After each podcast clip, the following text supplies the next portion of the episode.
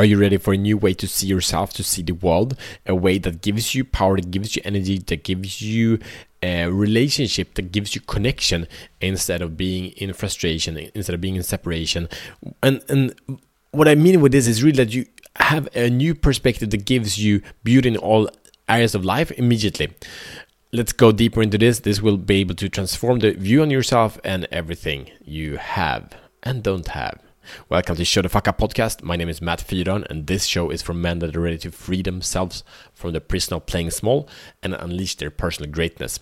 So today is a special conversation, and this is a trigger. This is awakened because of a, a beautiful um, concept that is happening now, uh, preparing for the International Men's Day, the 19th of um, November, in a, in about a week, exactly a week actually, and. Uh, mm, I know a bunch of men that take beautiful initiatives, and these are really not anti anything. These are just empowering men. And I know a lot of these conversations get questioned, they get jumped at, and um, they get get doubted with the intention.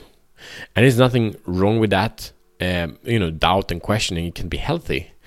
But I want to invite for any kind of situation where you're at now, where you think something is bad or something is challenging for you, or when you think someone is stupid, uh, you know, the political parties or whatever it is, a different perspective into that, a perspective that allow you freedom, allow you energy, allow you expansion, allow you to step into service, allowing you to be who you are and remove the fear that might hold you back. And there might be some very, very small distinctions that makes massive, massive difference for you. So we have come to a moment in in life, in evolution, where it's so freaking beautiful because we have so many opportunities.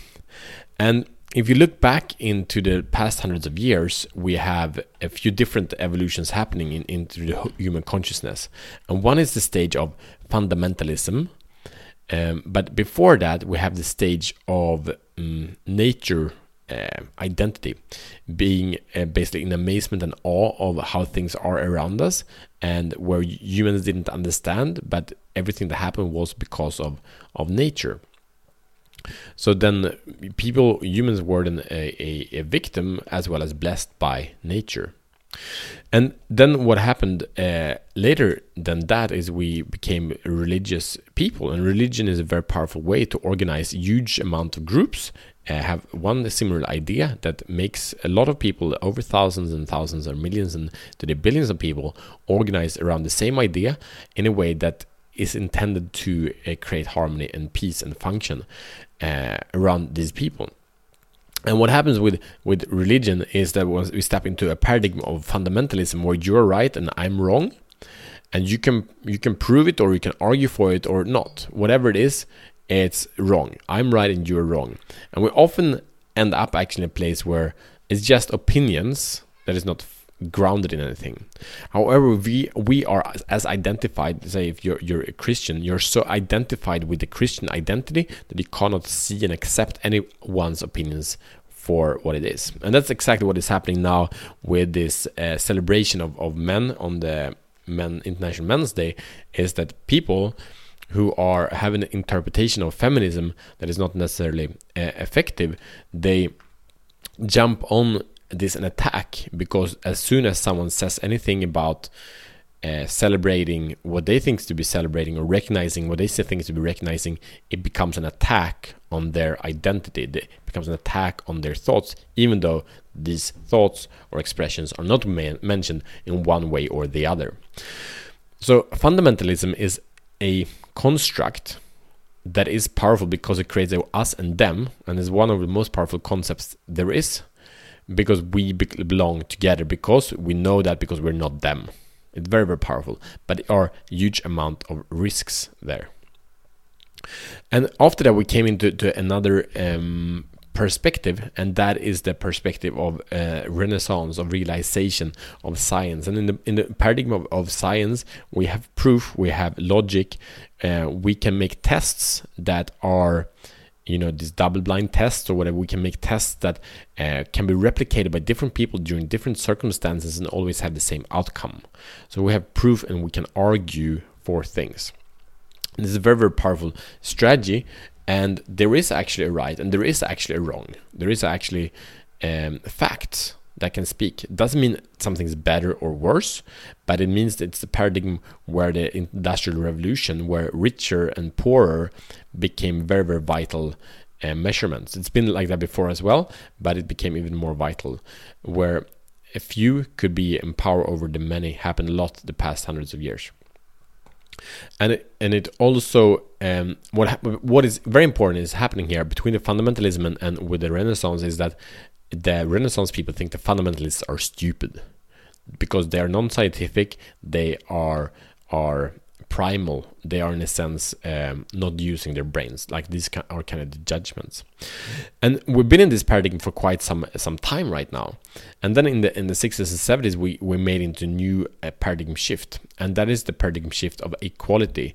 It's the paradigm shift that even though you're richer or poorer than me, we can honor each other for the, the worth of humanity that we have. We can value animals or whatever it is for the worth that they have.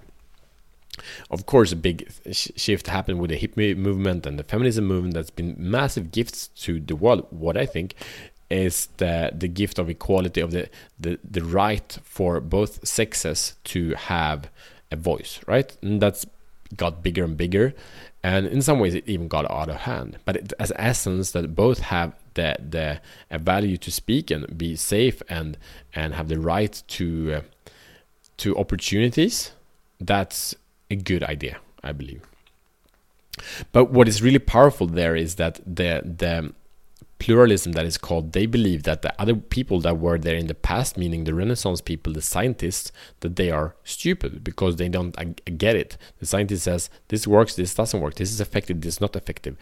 So, so the the pluralists that believe in equality do not see that anymore.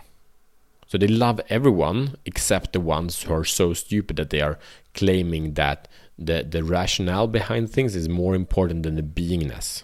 So one journey that happens here very clearly is a journey from the mind to the heart. It's a very very beautiful journey. It says that those are the longest, uh, what is it, three feet or half a meter, a man ever will do. So it is necessarily for the becoming of who we are. But then we come to new paradigm, beyond the paradigm of of equilibrium, of acceptance, uh, of, of saying that everyone is the same and that is a paradigm that is different from all other because it doesn't reject any of the other paradigms. However, it is inclusive and recognizes that each paradigm has different effectiveness in different times. In different moments, it's powerful to be fundamentalistic. Protecting your children is powerful to be fundamentalistic and not be willing to argue right? You just act because you act. In other situations, when you are to create something, it's good to follow a proven system that's been working before. If you want to be healthy and fit, it's good to follow that. And then in a relationship, it can be very, very effective to be understanding and loving no matter what the person does. Even if it's not the most effective way your wife or your partner cooks food, it's good to love her. You know even if she's not in the best mood it's good to love, uh, love her. If you go into the science of how food cooks and give a feedback you'll have an argument and that's not beneficial for your relationship right? So in the, these are all ways to identify ourselves and they're all limiting ourselves but the latter one that we can call uh, integral is not limiting ourselves in the same way as the previous ones. This allows for more freedom. So one one of the few of the shifts shifts that happen during this evolution is that we go from an evolution from against uh, that is is pro or against. So so as as some people express now uh, is that they say that this is against uh, me because you're pro something. It means that you are against me and that that is a competitive idea and a competitive identity that in sometimes it helps but in these cases what i've experienced and seen now it doesn't help anyone on the other side of that we have the recognition of someone's power everyone's power and, and celebration of that and other paradigm shift is that we go from either or to both and. It's the recognition that it's not one or the other that is best. It actually both are contributing in different ways, and we can acknowledge that and we can celebrate and bring both forward. And then we have another paradigm shift, and that is um, a lot of people, and I think actually especially men, are very attached to this idea is to be right, and there is value of being right. But it's also very, very limiting because then we can prove and we can have arguments, and when we do this, we chop the right of other peoples off. So what happens beyond the paradigm of right or wrong becomes interesting because I recognize and I see and I hear you that you see and hear something else than I do. You see the world, you have different values, you have different goals, you have different strategies than I have, and I can learn from that. I don't necessarily want to learn um, your way of things because I have a different way, but I can learn about you. And therefore, my life becomes richer because you're a complete being and you're worth to be loved and you're worth to be recognized and right there, we go from right and wrong to interesting. And, and that is the paradigm of, of learning. That's the paradigm of, of expansion. That's the paradigm where everything can happen. So, my invitation in this time is really that we stop rejecting and start including. And to be clear, one, one of these issues here is that uh, fundamentalism can happen in any of the other stages except and, and again as well as this stage.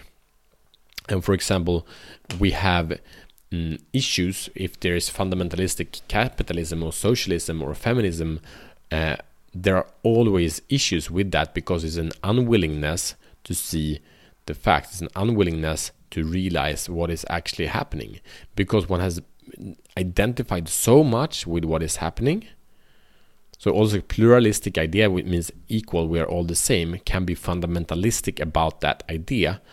And then we remove the rational mind, we remove our heart for a commitment to prove that we are always right.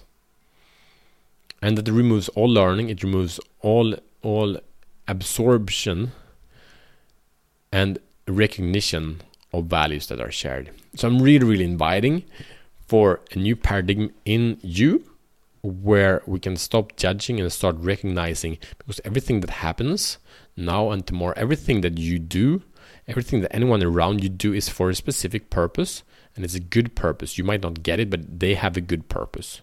We can start recognizing that and celebrating and stop being against that, but seeing it's good. It's good for whatever it is. Life becomes so much more beautiful. And when we're not resisting, when we're not forcing ourselves to push against, we get freed up so much more energy so we can start contributing in our own lives and in other lives. So your mission today, should you choose to accept it, is to realize where are you holding grudges, where are you holding holding judgments, where you're not, not able to see the full picture. Um, where are you creating stories in your mind, in your body before actually listening to someone? Where is this happening? And second part, how are you willing to see it in a perspective that would be more inclusive and more caring and more loving?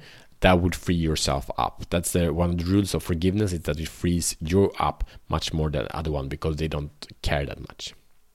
Share this episode with a man that is ready for a new paradigm shift and ready to show the fuck up in the level of how he is as a man. And I see tomorrow as better men.